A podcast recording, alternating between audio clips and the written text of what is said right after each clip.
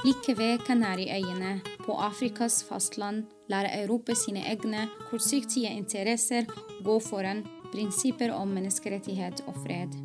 Velkommen til Sandfast, vår podkast om Vest-Sahara, den siste kolonien på det afrikanske kontinent.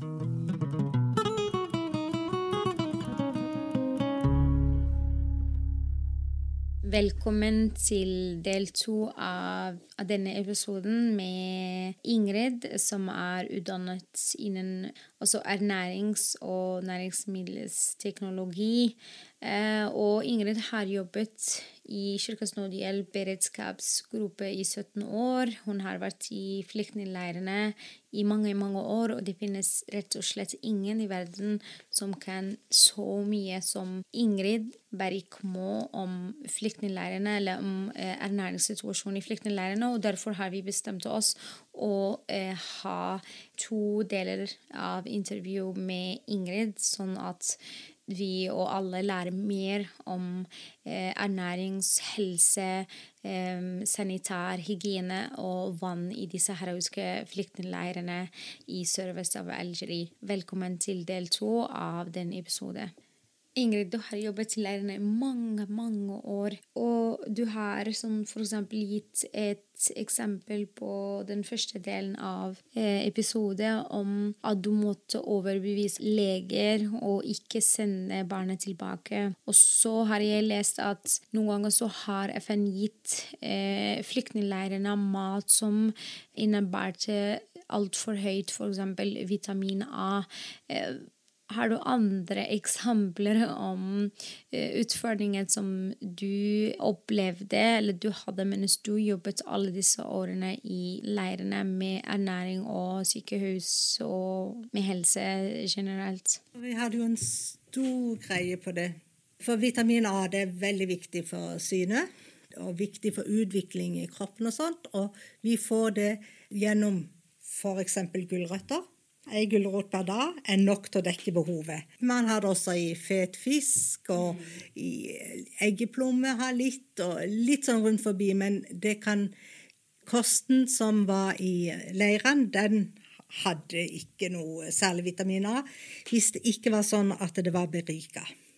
Og så, når FN og når organisasjonene ville at jeg skulle begynne å se på kosten, altså hva får folk i seg, og næringsbehov og sånt. Når de vil at jeg skal begynne å se på det, så sier jeg ja, men da må jeg vite hva maten inneholder. Dere må gi meg liste over hva maten inneholder. Ja, så visste man jo ikke helt det. Man har jo sånn generelt hvetemel er sånn, og bygg, byggryn er sånn.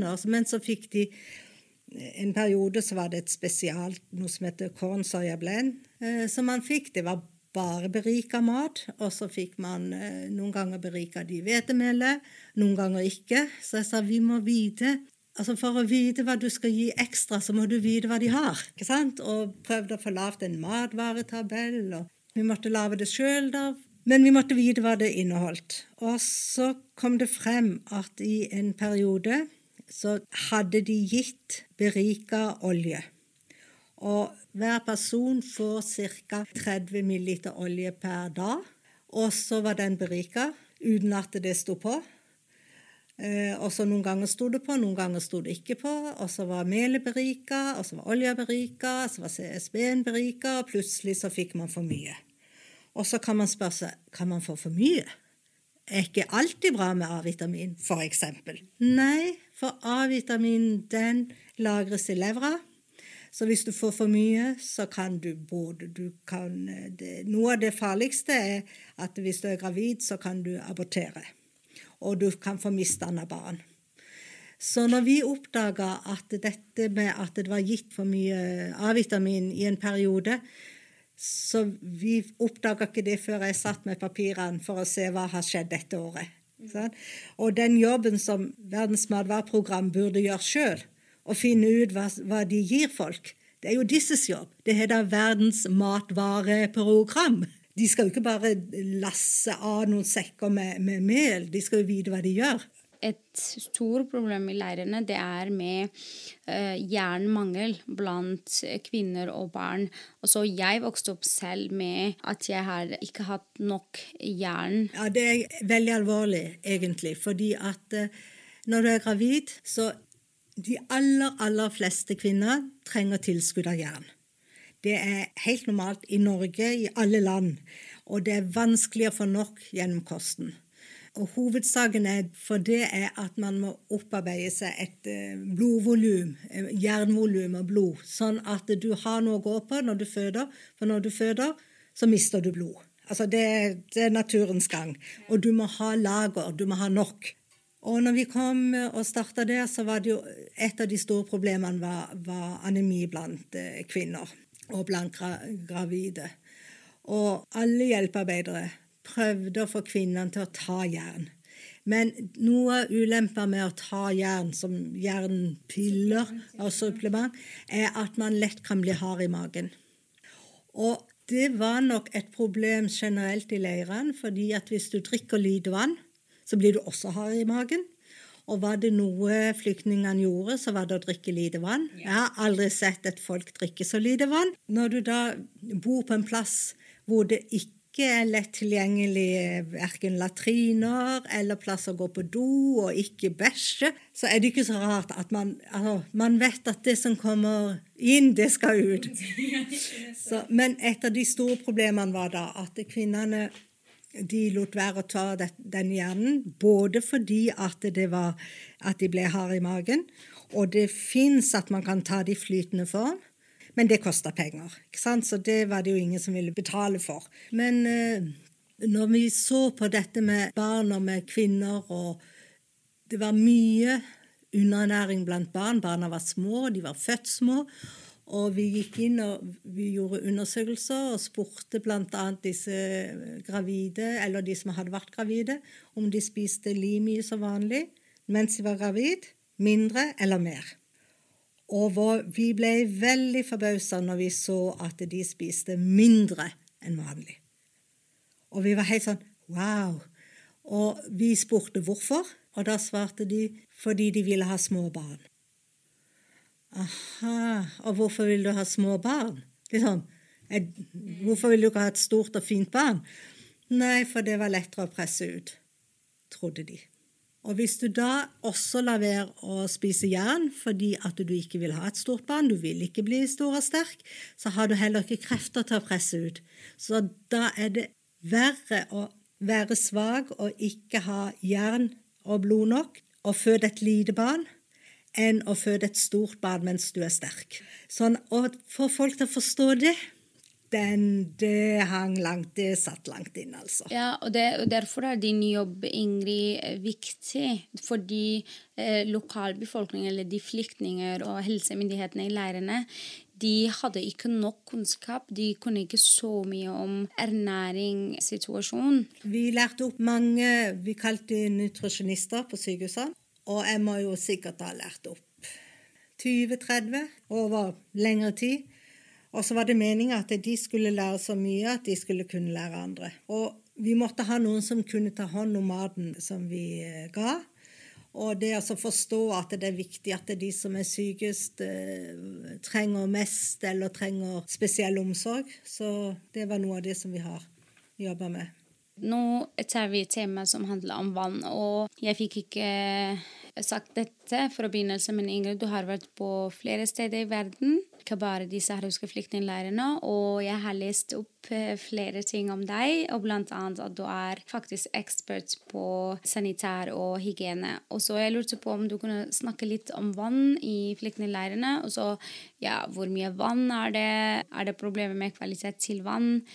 Er det noen helseproblemer som flyktninger sitter med, uh, og det som konsekvens til dårlig vannkvalitet? Ja, og i leirene, for i leirene får man vann fra grunnen, altså det er brønnvann. Og under Sahara har det vært sjø. Og det betyr at eh, den er full av metaller, den er full av jod, det er fullt av fluor. De mangler, altså det er jo to ting som vi lett mangler eh, her i Norge, både fluor og jod. Fordi at vi har overflatevann. Vi får vann fra innsjøer og elver, ikke fra brønn. Og dette brønnvannet det kunne også noen ganger være så fullt av andre salter at man kunne smake at det smakte saltvann. Vi kaller det ofte at det er brakkvann. Det er en blanding av saltvann og ferskvann. Det fins grenser hvor mye salt det kan være i før vi ikke kan drikke det lenger. Altså rett og slett havs, altså salt. Sånn at um, vannet Man måtte få tak i vann Altså UNHCR bora brønner. Kirkens Nødhjelp eh, bora brønner. De hadde et annet prosjekt før jeg kom inn i, før jeg starta, med å bora brønner. Og så begynte de å innse at eh, vannet kanskje ikke var så rent, sånn at de, de måtte rense det med en type filtrering. Eh, noe som ble gjort for det vannet som gikk til én leir, men ikke til de andre leirene til å begynne med.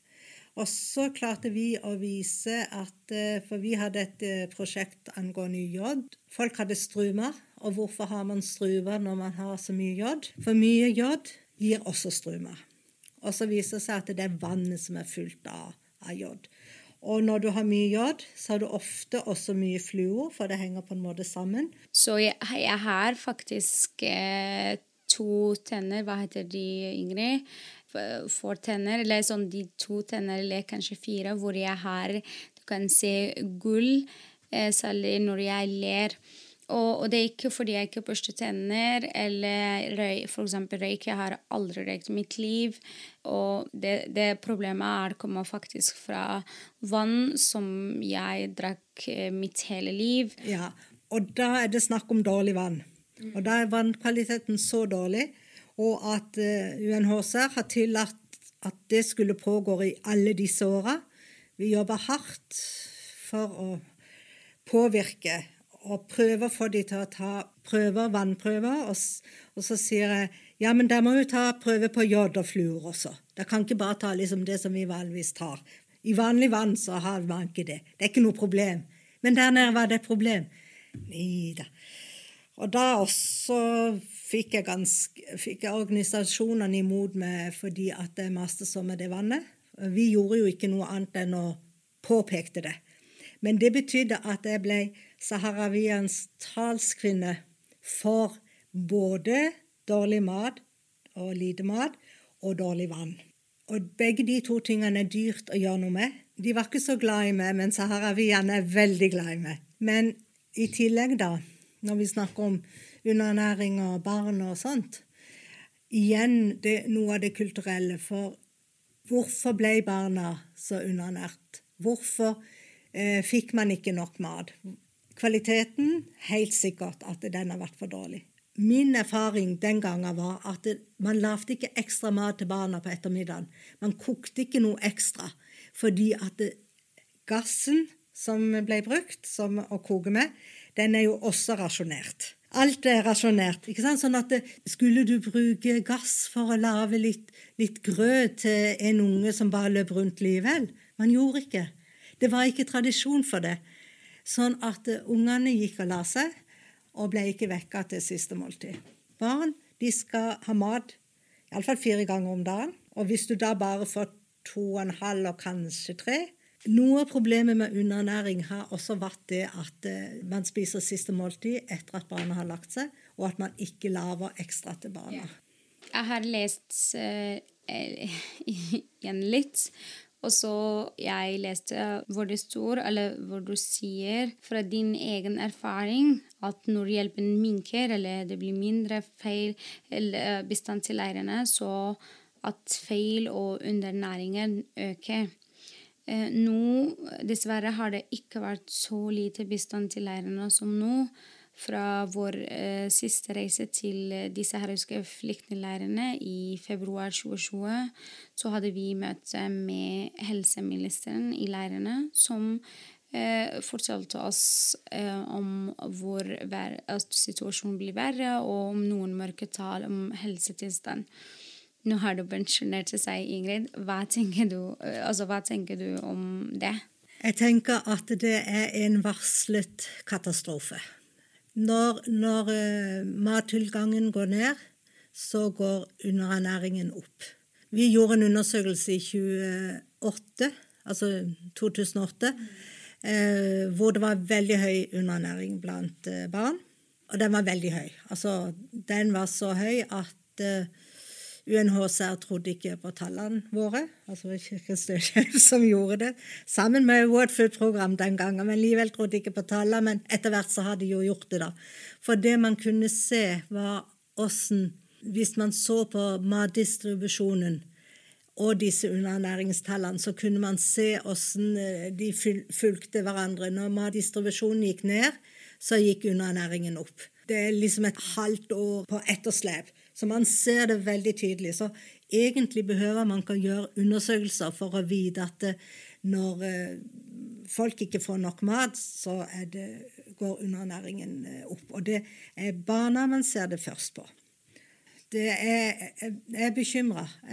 Virkelig bekymra og vet ikke helt For meg så er det nesten som at man kan tenke at noen prøver å bruke eh, retten til mat som et våpen. At man holder mat tilbake og presser folk så mye at man til slutt ikke kan bo der lenger. Man må kanskje gå med på avtaler som man ikke vil. Og det bekymrer meg at eh, situasjonen nå ser ut til å gå mer og mer tilbake. Det er ikke kjekt kanskje at man holder liv i folk i 40 år på sånn kost som, som har blitt gjort.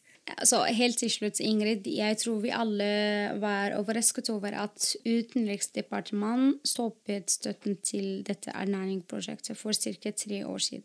Jeg husker at vi fra vår side jobbet lenge for å prøve å skjønne hvorfor Først sa de at situasjonen ikke var akutt nok, og derfor ikke kunne støtte. Da det ble motbevist fra rapportene til FNs generalsekretær, så endret UD forklaring og sa at de ikke hadde penger. Og til slutt, da fem partier utfordret UD på dette i en stortingsdebatt, sa de at prosjektet hadde levert dårlige resultat. I dag eh, støtter UD flyktningleirene med 10 millioner kroner hvert år, øremerket gjennom FN-systemet. Det er jo viktig, da, men det er altså penger som de sa de ikke hadde. Skjønner du hvorfor Norge stoppet dette prosjektet? Nei, jeg skjønner ikke. Og jeg var Vi hadde holdt på, som sagt, da i, i, eh, i 17 eh, år skrevet årlige rapporter til UD. Og vi fikk penger år for år. Altså Vi alltid, vi var alltid litt sånn på hugget om får vi nå og får vi nå. Og vi hørte aldri at det skulle være at vi gjorde dårlig arbeid. Det, det, kom aldri frem. Det burde jo ha kommet frem hvis de mente det. De skulle ikke ha gitt oss penger i 17 år hvis de mente vi gjorde dårlig arbeid. Iallfall så skulle de ha kommet inn og hjulpet oss. Kanskje de kunne hatt noen som kunne ha hjulpet til hvordan det kunne bli bedre. Men at, um, at det ikke var akutt nok Selvfølgelig var det jo en flott ting. Det tyder jo på at vi hadde gjort en god jobb. For det er jo altså når du forebygger altså Skal du slutte å forebygge og vente til at det blir så dårlig at du igjen må liksom slå på store trommer? Så det var, det var, jo et veldig dårlig eh, argument at det ikke var akutt nok. Det går ikke an å si. Altså det, det viser jo egentlig at de mener at prosjektet hadde fungert. Sånn, eh, og at ikke det var penger, det var det jeg fikk høre. Jeg hørte aldri noe annet enn at ikke det var penger. Og jeg syns jo at det såpass lite prosjekt det ble drevet av saharawiene sjøl. Vi var bare nede en måned eller to i året, så vi kosta ikke mye. Og alt ble drevet der nede fra. Men nei, for alt gikk egentlig på å forebygge, og det var ikke leger nok til å skulle behandle. Noe av noe av problemet med eh, leger er at de ikke alltid forstår hva forebygge betyr, eller hvordan man skal gjøre det, for de er lært opp til å behandle. Ja, sånn at det, eh, det der med å forebygge, det er ikke så lett, og det syns som regel ikke. Fordi at når ting går bra, så ser man ikke det som blir gjort. Det er akkurat som hvis du bor i en leilighet eller bor i et hus, og så du går hele tida og smårydder litt hele tida. Ingen som ser det, men det ser bra ut. Helt til du ikke gjør det lenger. Da ser alle at oi sann, nå er det noe som ikke blir forebygget. Sånn at det med forebygging det er vanskelig å få gjennomslag for det. Ingrid, tusen takk for at du blir med i kveld. Jeg kunne snakke med deg hele kveld. Og tusen takk for den fantastiske jobb som du har gjort i de saharawiske flyktningleirene. Sandfast er for støttekomiteen for Vest-Sahara, men jeg også vil takke deg som en sahrawi for alt du har gjort for eh, mitt folk, for de saharawiske flyktningleirene. Du er jo en sahrawi, og du er alltid velkommen i flyktningleirene. Du er vaksinert deg nå, så det er bare å reise til eh, flyktningleirene. Tusen, tusen takk. Ja, takk, ja, takk skal du ha. Hvis du vil lære mer om konflikten, gå til vest-sahare.no.